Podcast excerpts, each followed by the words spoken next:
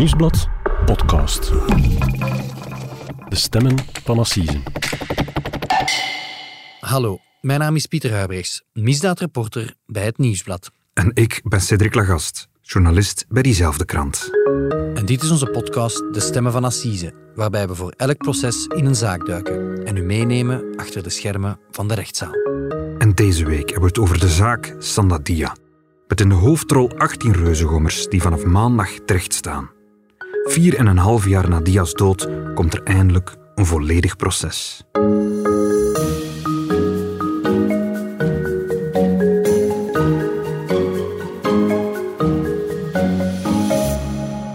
Dag Pieter. Dag Cedric.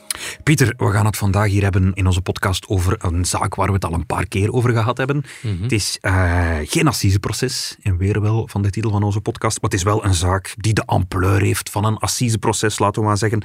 Het gaat over de zaak Sandadia, een zaak waar jij uh, al tientallen artikels over hebt geschreven, waar je een boek over hebt geschreven, waar wij twee vorig jaar samen een, uh, een podcastreeks over gemaakt hebben. en nu maandag zijn we toe aan het volgende hoofdstuk in heel dat verhaal, namelijk de herstart, zeg maar, van het proces over de dood van Sandadia. Ja, het is toch wel denk ik een van de meest spraakmakende gerechtelijke dossiers van de afgelopen jaren. Ja. Zoals gezegd, Cedric, ik heb er heel veel over geschreven. We hebben er podcastreeksen over gemaakt. Maar nu, ja, specifiek voor de herstart van het proces maandag in Antwerpen, ben ik met uh, de vader van Sandadia, Papis Dia, um, ja, op, op tocht, zeg maar op pelgrimstocht geweest uh, langs Leuven, langs Vorselaar. Eigenlijk op de plekken waar Sandadia eigenlijk zijn laatste uh, momenten in leven heeft beleefd. Het was de eerste keer, heb ik begrepen, dat hij op die plek kwam. Dat hij onder meer op de plek kwam waar zijn zoon gestorven is eigenlijk. De, de put in Vorselaar. Ja, en ik denk dat we geen enkele luisteraar moeten overtuigen dat dat zeer emotionele uh, momenten waren. Het was super confronterend en uh, we gaan er later in de podcast uh, uitgebreid op terugkomen. En waarom wou wij precies nu naar die plek gaan? Wel, we hadden het absoluut gezien hebben voor de start van het proces, omdat het natuurlijk gaat over die tweedaagse doop, hè, 4 en 5 december 2018, die falikant is verlopen. En hij kan het niet aan om heel dat strafdossier van A tot Z gelezen te hebben, maar hij Mhm. moest dat met zijn eigen ogen zien. Want kijk, in welke plekken in Leuven is, is Sanda ja, geweest? Hoe, ja, hoe is dat juist verlopen? Eh, Wat zijn de cruciale momenten van die tweedaagse doop? En zeker ja, de, de, de befaamde put waar Sanda Dia ja, meer dood dan levend is uitgehaald. Ja, dat wou hij, hoe zwaar ook voor hem, met zijn eigen ogen gezien hebben voor het proces. Om de reuzengommers, als ze dan op het proces dingen zouden zeggen die niet stroken met de waarheid, om, om meteen te kunnen tussenkomen. Pieter, misschien moeten we ook een beetje de mist opklaren voor een aantal luisteraars die nu zitten te luisteren en denken van...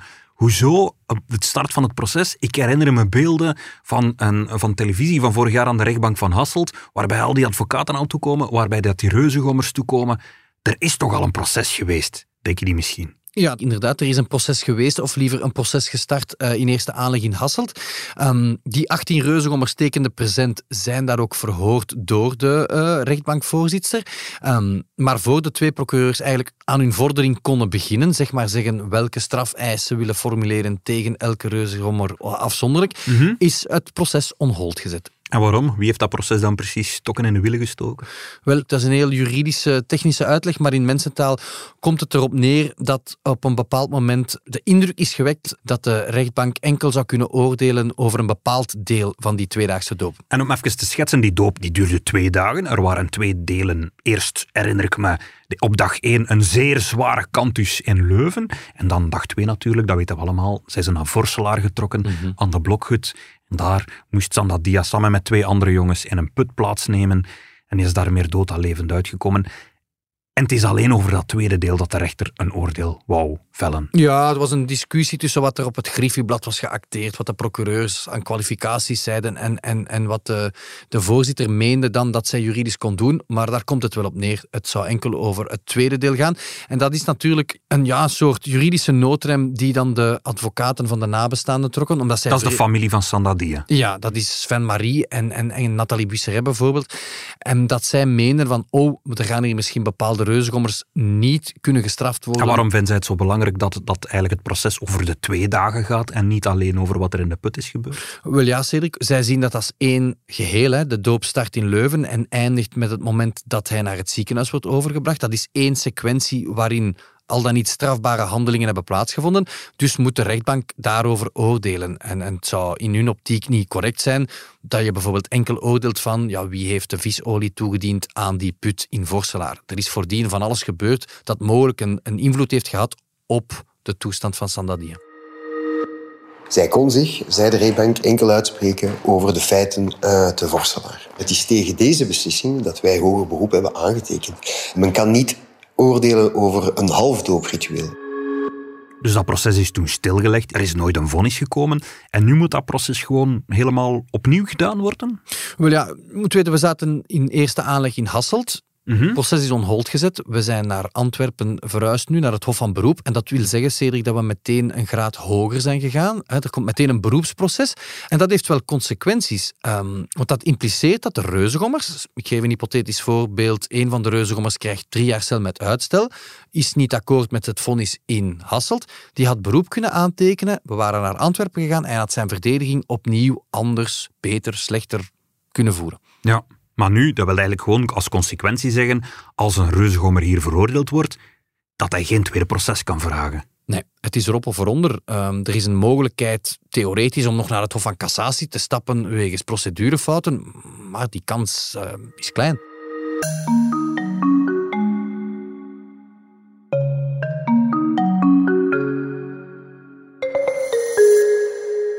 Het is totaal onjuist.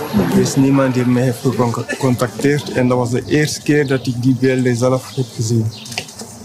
Niemand heeft mij mijn mening gevraagd. En ik vind dat schandalig dat uh, mensen zeggen dat uh, ouders hebben toestemming gegeven. Voilà. We horen hier eh, een geluidsfragment van onze collega's van de VRT. We horen de vader van Sandadia die boos is, die geschandaliseerd is.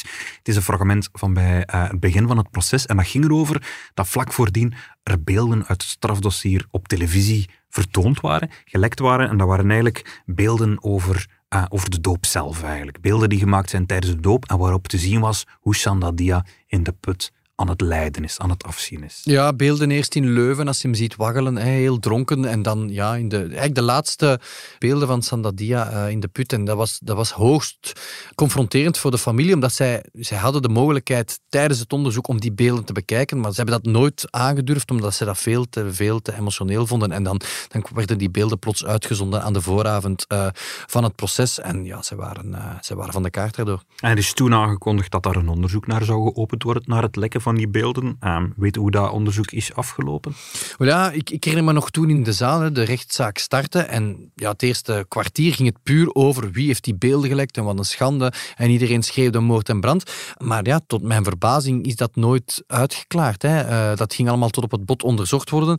Maar voor zover wij weten is niemand van degenen die het zou kunnen gelekt hebben ooit uh, formeel op de vingers getikt. Ik herinner me eigenlijk vooral de aanloop naar dat proces dat eigenlijk één lange juridische leidersweg was. Hè advocaten die met elkaar in ruzie lagen, rechters die gevraagd werden, uitstel na uitstel, um, beelden die dus gelekt werden. Is dat iets wat dus opnieuw te wachten staat nu dat het proces in Antwerpen start? Ja, Cedric, eh, laat ons eerlijk zijn, dat is de vraag van 1 miljoen. Hè. De familie um, ja, hoopt natuurlijk van niet. Die willen dat het vooruit gaat. Hè. Dat, het, dat het proces niet start met een of andere juridisch manoeuvre, waardoor het weer uitgesteld wordt. En eens het proces bezig is, ja, willen zij dat het uh, snel vooruit gaat. Hè. Um, ja, ze, zijn, ze kijken niet echt uit naar het proces. Ja, de familie wil vooral dat het proces vooruit gaat en snel achter de rug is. Maar zij hopen op, op een veroordeling, vermoed ik.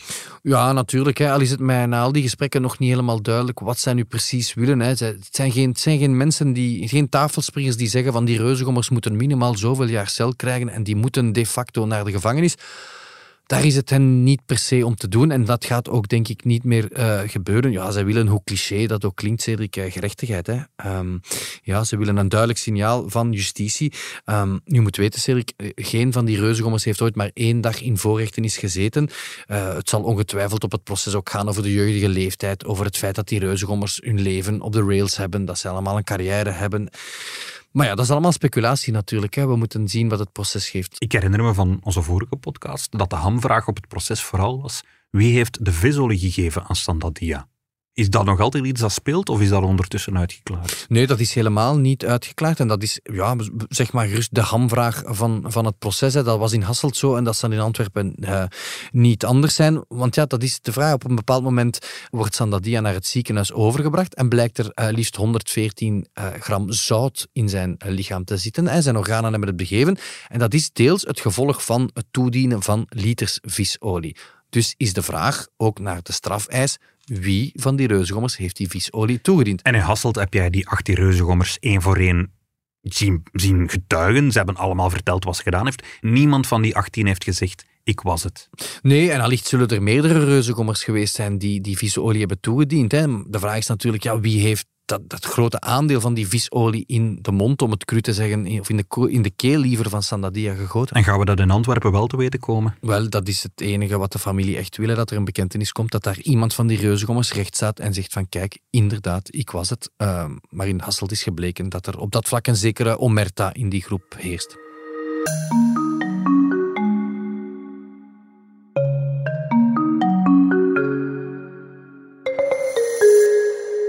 We hebben het bij het begin van deze podcast al aangehaald. Jij bent de afgelopen weken uh, met de familie van Sandadia voor het eerst naar Vorselaar geweest, naar de plek waar Sandadia uh, um, in de put mishandeld is.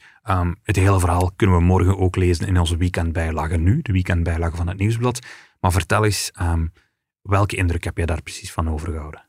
Ja, het is moeilijk samen te vatten, Cedric, in, in een paar zinnen, want het was, het was heel emotioneel beladen. Uh, ik had het misschien zelf ook wel wat onderschat.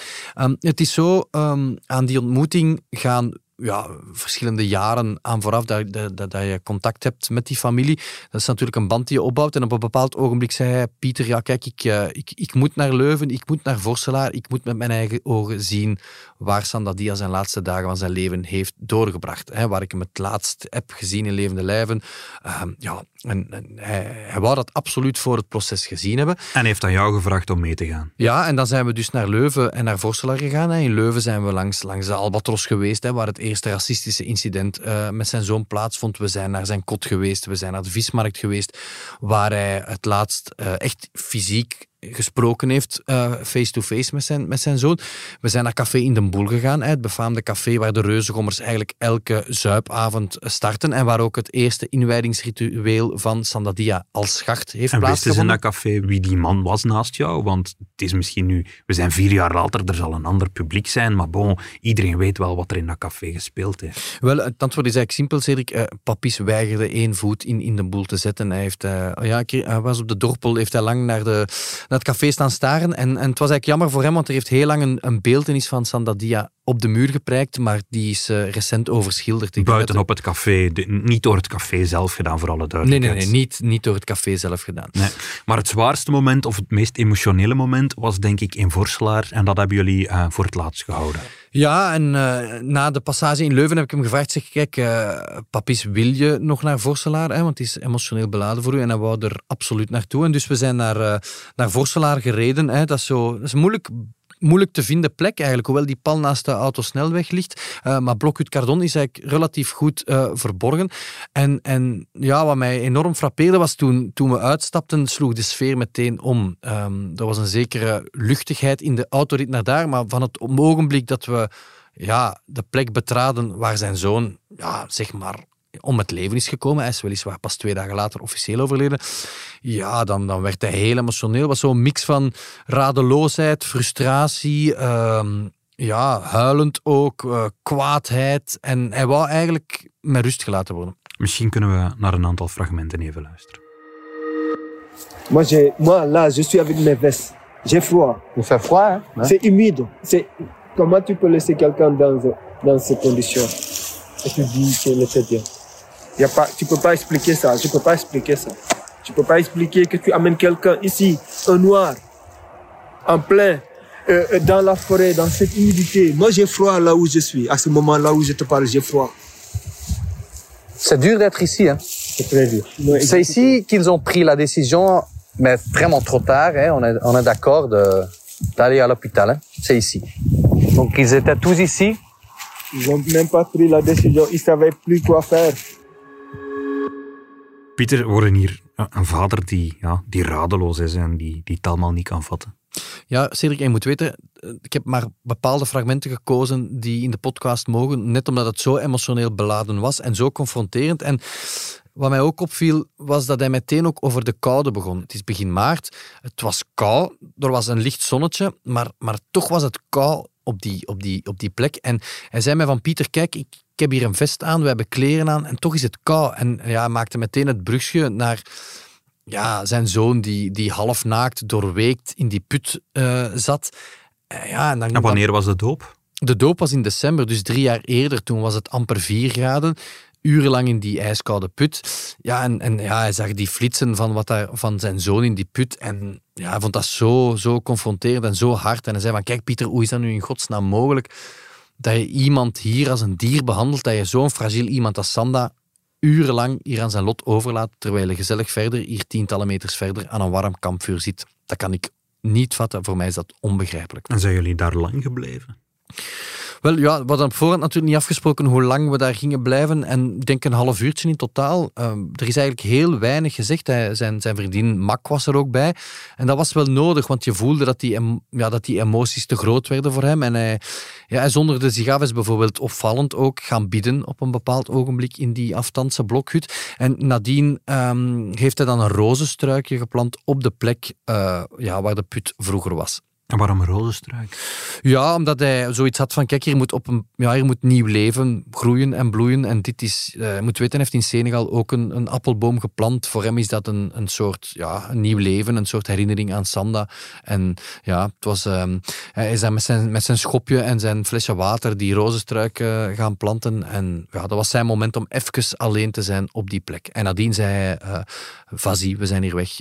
ik ben, het heeft mij ergens opgelucht dat ik hier was, maar ik denk niet dat ik hier ooit nog terugkom. Nee, het lijkt me een zeer intense belevenis, een heel intens moment. Ik herinner me ook van op het proces in Hasselt, ja, het werd dan meermaals te veel. Hè. Het is een zeer emotionele man ook. Ja, Cedric, die, die boosheid, die frustratie, dat zit heel diep. Hè. We zijn 4,5 jaar verder, maar dat is nog altijd even erg als toen die reconstructie uitkwam van wat er echt gebeurd was uh, met zijn zoon. En ja, ik vroeg hem van Papis, ga je in Antwerpen wel sterk kunnen houden? En hij zei, ik ga dat proberen, maar dat zal heel, heel moeilijk zijn.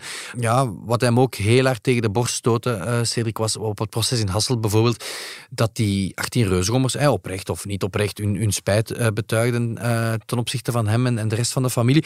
Maar dat eigenlijk amper dat er eigenlijk amper reusgommers de moeite deden om zich om te draaien en, en hem rechtstreeks aanspraken. Ze stonden met hun rug naar hem en hij vond dat zo laf. En hij zegt van kijk, op proces, als ze mij vragen om het woord te nemen, zal ik het nemen en ik zal die reusgommers recht in de ogen kijken.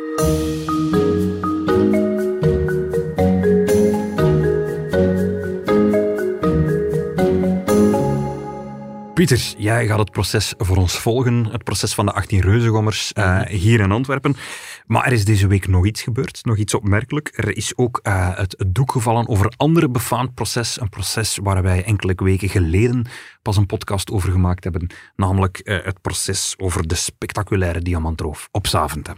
Ja, zeg maar gerust. De roof van de eeuw op de luchthaven. Hè. Uh, ja, en woensdag kende dat proces een, een wel heel opvallende apotheose, vond ik. Ja, een sisser is misschien een, een gepaster woord. En voor wie de podcast niet helemaal beluisterd heeft, het gaat over de diamantroof op Zaventem van exact tien jaar geleden, of bijna exact tien jaar geleden, namelijk in februari 2013, zijn er acht mannen de tarmac van de luchthaven van Zaventem opgestormd.